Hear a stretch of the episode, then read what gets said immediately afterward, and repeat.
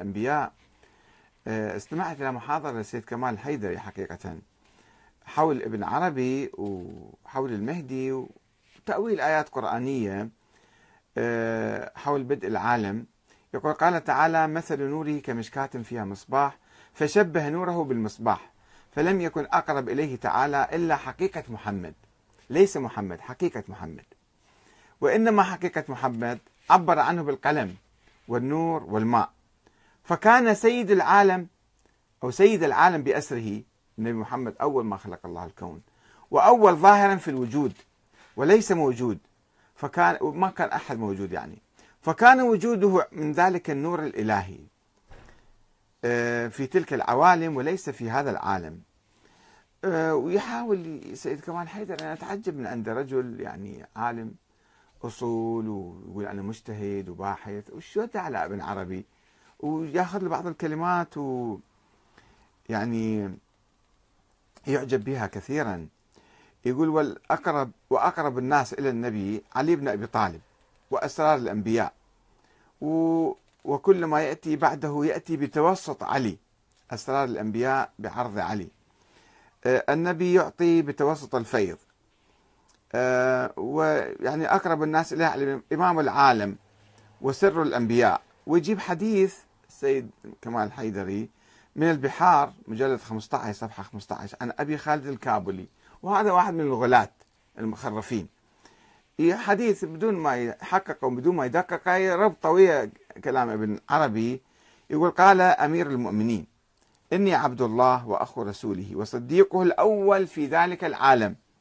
قد صدقته وآدم بين الروح والجسد يعني قبل خلق الأنبياء. ثم إني صديقه الأول في أمتكم حقا. زين هاي رواية أنت سويت الإمام علي مخلوق قبل الأنبياء كلهم. يقول هذا ينسجم أيضا الكلام مال ابن عربي في الكافي. نحن الأولون.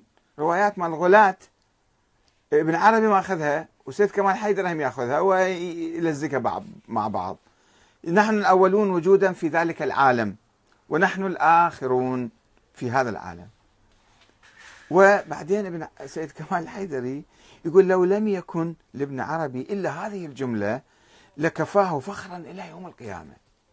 يعني إذا جاب لك فكرة مغالية خرافية أسطورية وعظم الأئمة وعظم الإمام علي صار وحي نزل عليه. غريب ما أعرف كيف يعني بعض علمائنا يعني يعجبون هيك بلاش يعني. أه ويقول أنا لم أجد أحدا بين مقامات علي كما بي بين مقامات علي كما بينها ابن عربي في الباب السادس بدء الخلق الروحاني قبل الخلق الجسماني في كتابه. الفتوحات الفصص أو آه، الفتوحات. إن الله تجلى بنوره بعدين يجي يقول آه، على الإمام المهدي أيضا يستعين بعض الأحاديث مال ابن عربي في معرفة منزلة جنود المهدي الظاهر في آخر الزمان. أن لله خليفة يظهر عندما تمتلئ الأرض ظلما وجورا ولو لم يبق يوم واحد. الإمام إلى الوزير فقير وعليهما فلك الوجود يدور. الإمام قطب الوجود يقول هو نظرية الإنسان الكامل ابن عربي يألفها ويدعمها ويأيدها ويتبناها و العرفاء عندنا المعاصرين أيضا يؤمنون بهذا الإنسان الكامل. الفصل الآدمي في فصول الحكم. آه، يقول آه، ست سبع مجلدات في تفسير هذه الآية. إني جاعل في الأرض خليفة. آه، ابن عربي فما يحكم المهدي إلا بما يلقي إليه الملك من عند الله. صار أيضا النبي هذا. الذي بعثه الله إليه ليسدده. وذلك هو الشرع الحقيقي المحمدي الذي لو كان هو صلى الله, عليه وسلم حيا ورفعت تلك النازلة لم يحكم فيها إذا قضية حادثة يعني لم يحكم فيها إلا بما يحكم بها هذا الإمام. حكم حكم النبي يعني لأن وحي واحد ينزل عليه. فيعلمه الله أن ذلك هو الشرع. فيحرم عليه القياس. القياس ما يجتهد وحي ينزل عليه دائما. ولذلك قال رسول الله في رجعة المهدي آه، آه، قفوا أثري؟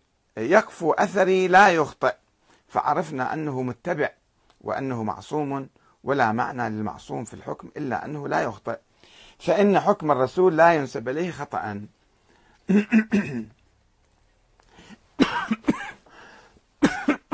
عفوا.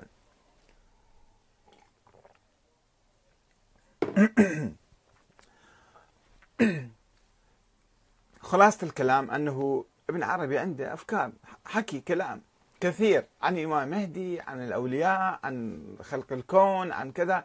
كله يدعي أنه جت وحي من الله أو النبي شافه وطاه كتاب أو شافه وقال للنبي عيسى روح حط له منبر وصعد على المنبر وكتب الخطبة بعدين نفس الخطبة اللي ألقاها. فكلامه كله من هذا القبيل بعيد عن القرآن بعيد عن العقل بعيد عن العلم. ونحن الآن لسنا بحاجة إلى كل هالخرافات وكل هالأساطير. بحاجة إلى اتباع الوحي واتباع العقل واتباع العلم. حتى نبني حضارتنا من جديد. نبني أنظمتنا الاجتماعية أنظمتنا السياسية. أه وأنا أرجو من السيد كمال أنه يعيد النظر في في إعجابه وفي تلقيه وفي أخذه بعض الأفكار من ابن عربي.